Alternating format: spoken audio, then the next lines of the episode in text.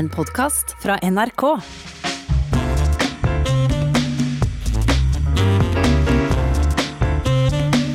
Og så er det på et vis tid for å dra til sjøs med både dronning og konge.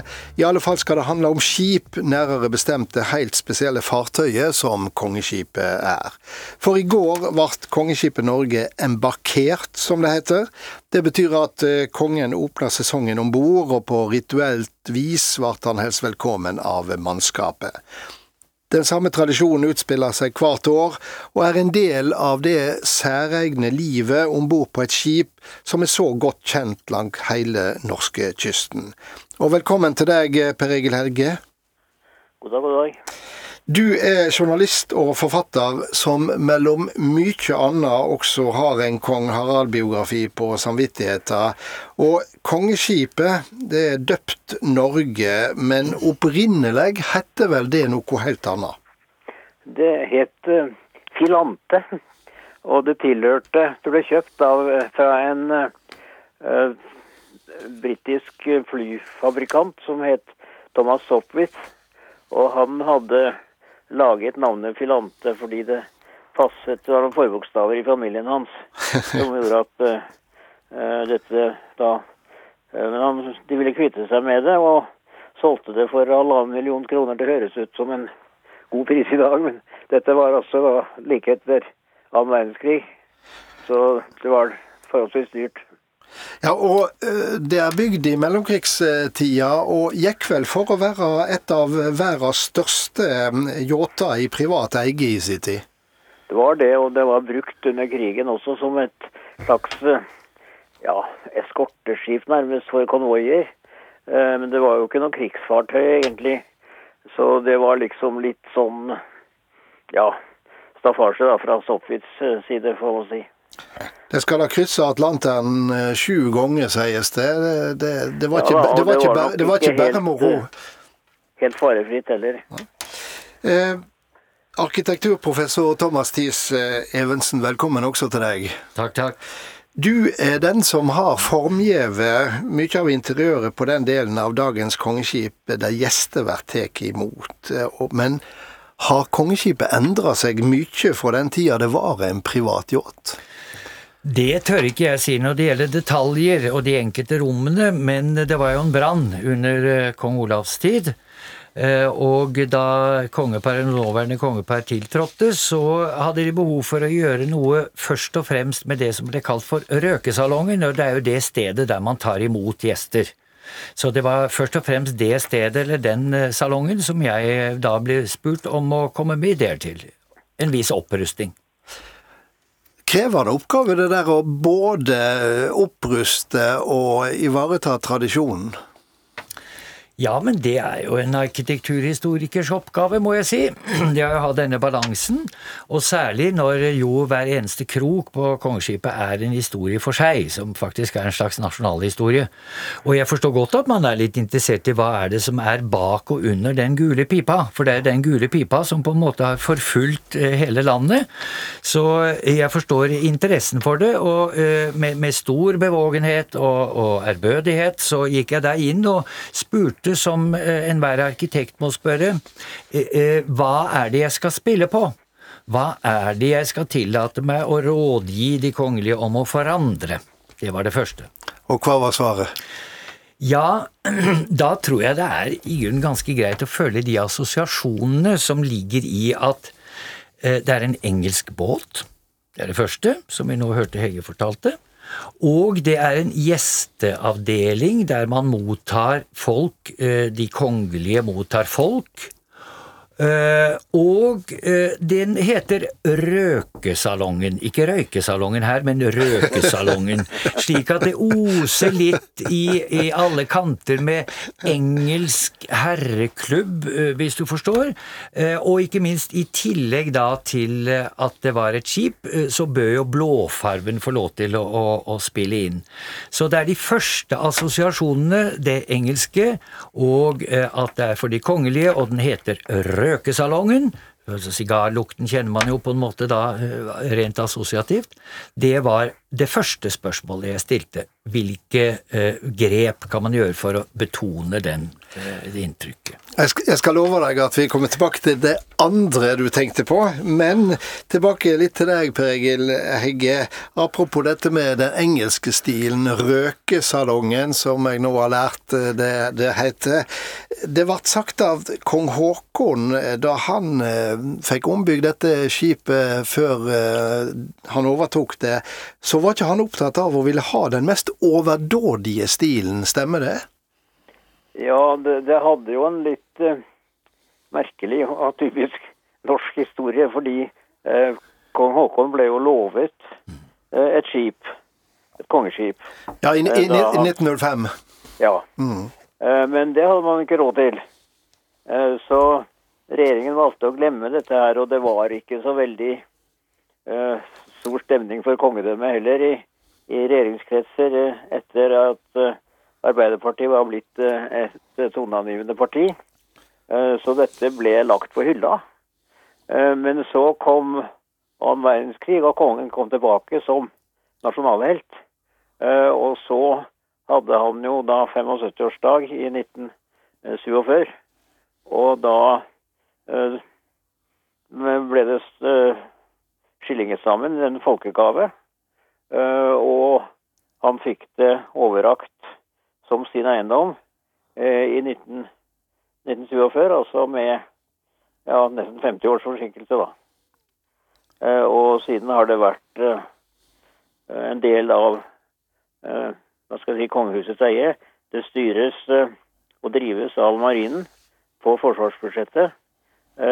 Men det har ikke vært noe på tale å avvikle ordningen, slik som man faktisk gjorde det er det mange som har glemt, men det er ikke stort mer enn eh, Det er ikke 15 år siden ennå at eh, Tony Blair fikk den ikke helt gode idé eh, at dronning Elisabeth skulle kvitte seg med kongeskipet Britannia.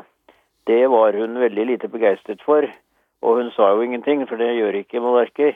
Men uh, signaliserte at uh, dette var ikke hennes plan. Hm. Og nå er det da bare to kongeskip som er i drift. Det er det norske og det danske Dannebrog. Og Temaet er kongeskipet, der sesongen om bord i går ble åpna av eh, kong eh, Harald. Og Thomas Thies eh, Evensen, du var av de som har formgjevet deler av interiøret om bord på skipet. Og før vi hørte Erik Bye, så snakka du litt om din inngang til dette arbeidet, og så kom det praktiske. Ja, la meg si det slik at det viktige er for en arkitekt da, når han Det er å ta tak i noen assosiasjoner, og jeg nevnte det med engelsk, mm. herreklubb og røkesalong og sjø. Da har man ganske gode temaer. Og, når, eh, og da er spørsmålet hvordan er det som er nå, og hva var det som var endringer i denne mottagelsessalen? Det er for det første så var, er rommet veldig lavt. Aha, det må høyere, etter min mening. Det må heves.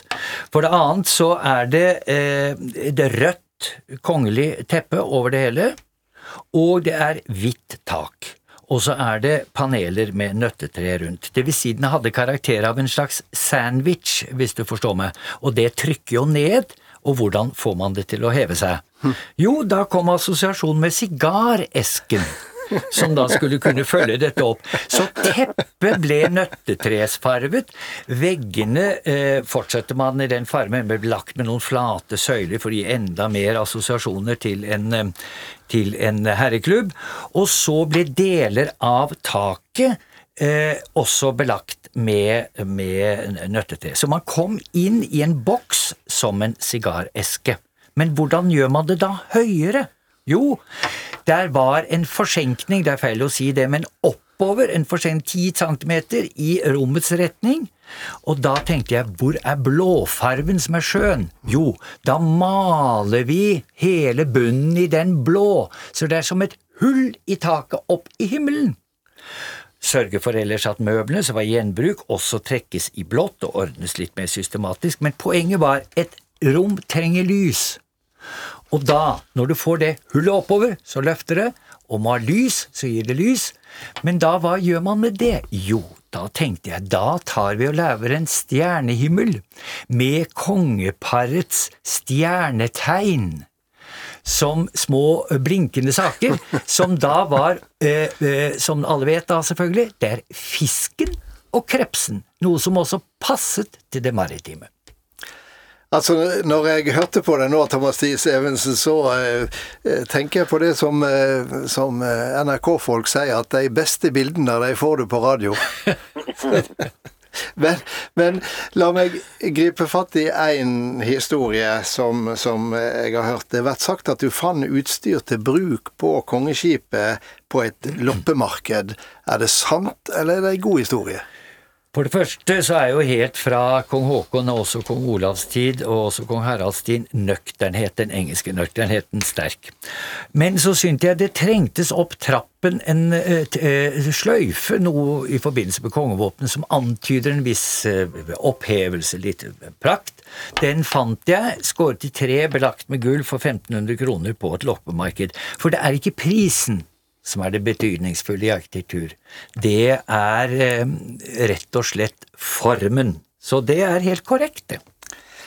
Per Egil eh, Hegge, du har vært om bord og sett eh, denne loppemarkedgjenstanden, men du har vel også opplevd at det er et slags ritual om bord på eh, kongeskipet. Mellom annet må alle menn gå med offiserslue eller seglerlue eh, med skjerm hvis en beveger seg på dekk utenfor salongene. Ja, man følger jo reglene når man er gjest der. Selv vi enkle gutter fra innbygdene eh, skal gjøre det. Eh, og, enkel og enkel. Fra Porsgrunn. Fra Porsgrunn. For, for, ja. Forhold til marinen har jo vært litt fjernt, kanskje. Men det er faktisk et sted hvor, selv om det er kongelig status, så er det et sted hvor man føler seg velkommen. Og det har jo noe med vertskapet å gjøre, da. Så jeg tror det Jeg fikk referert en uttalelse fra deg om at så det er Harald Stanghelle om at uh, danskebåten blir ikke helt det samme etter dette. Og det er nok riktig. Men Hege, kan jeg få lov til å supplere, fordi eh, dette vertskapet er jo ganske spesielt, og vi synes vi kjenner dem. Men underveis under denne eh, bearbeidelsen av eh, røkesalongen, så var det også typisk for dem mye humring og latter. Særlig i forbindelse med sigaresketema og stjernetegnene i himmelen.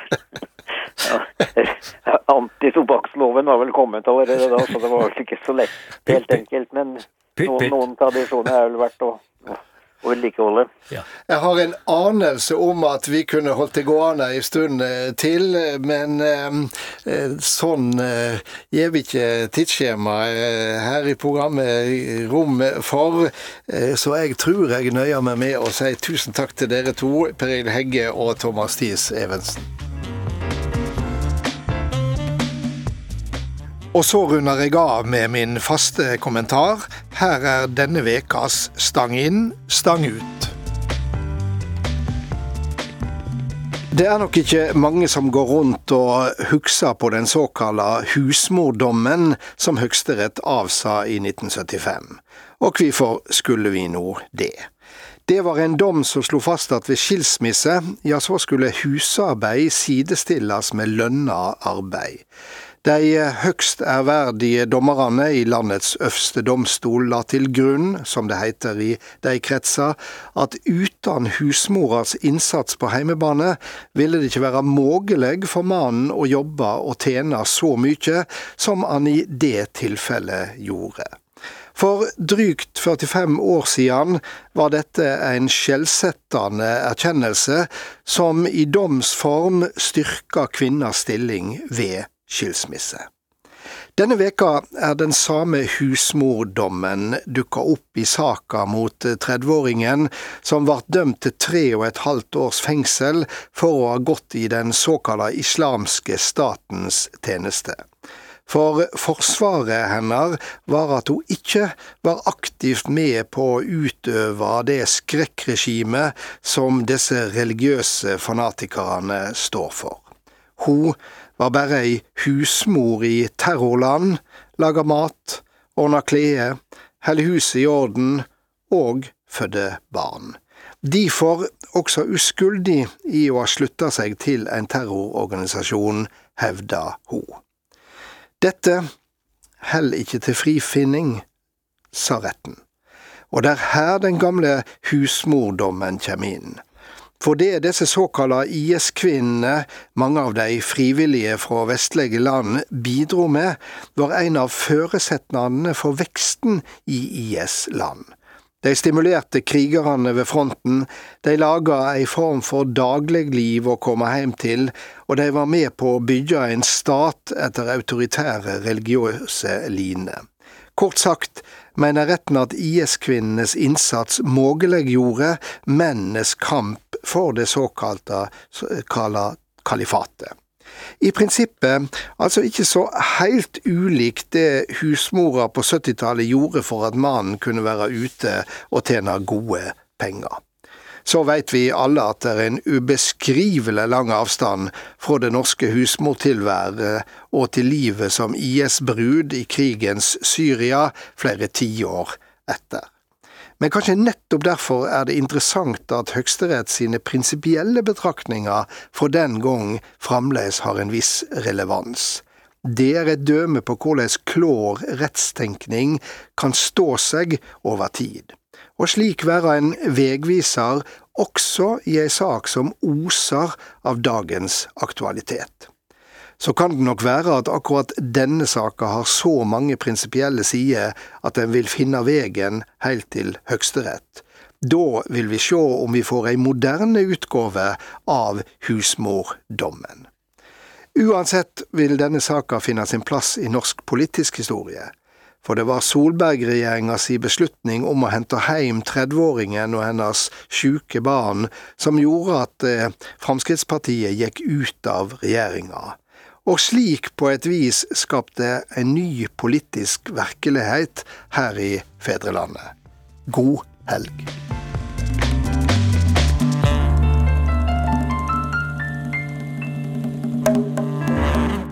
Du har hørt en podkast fra NRK. Hør flere podkaster og din NRK-kanal i appen NRK Radio.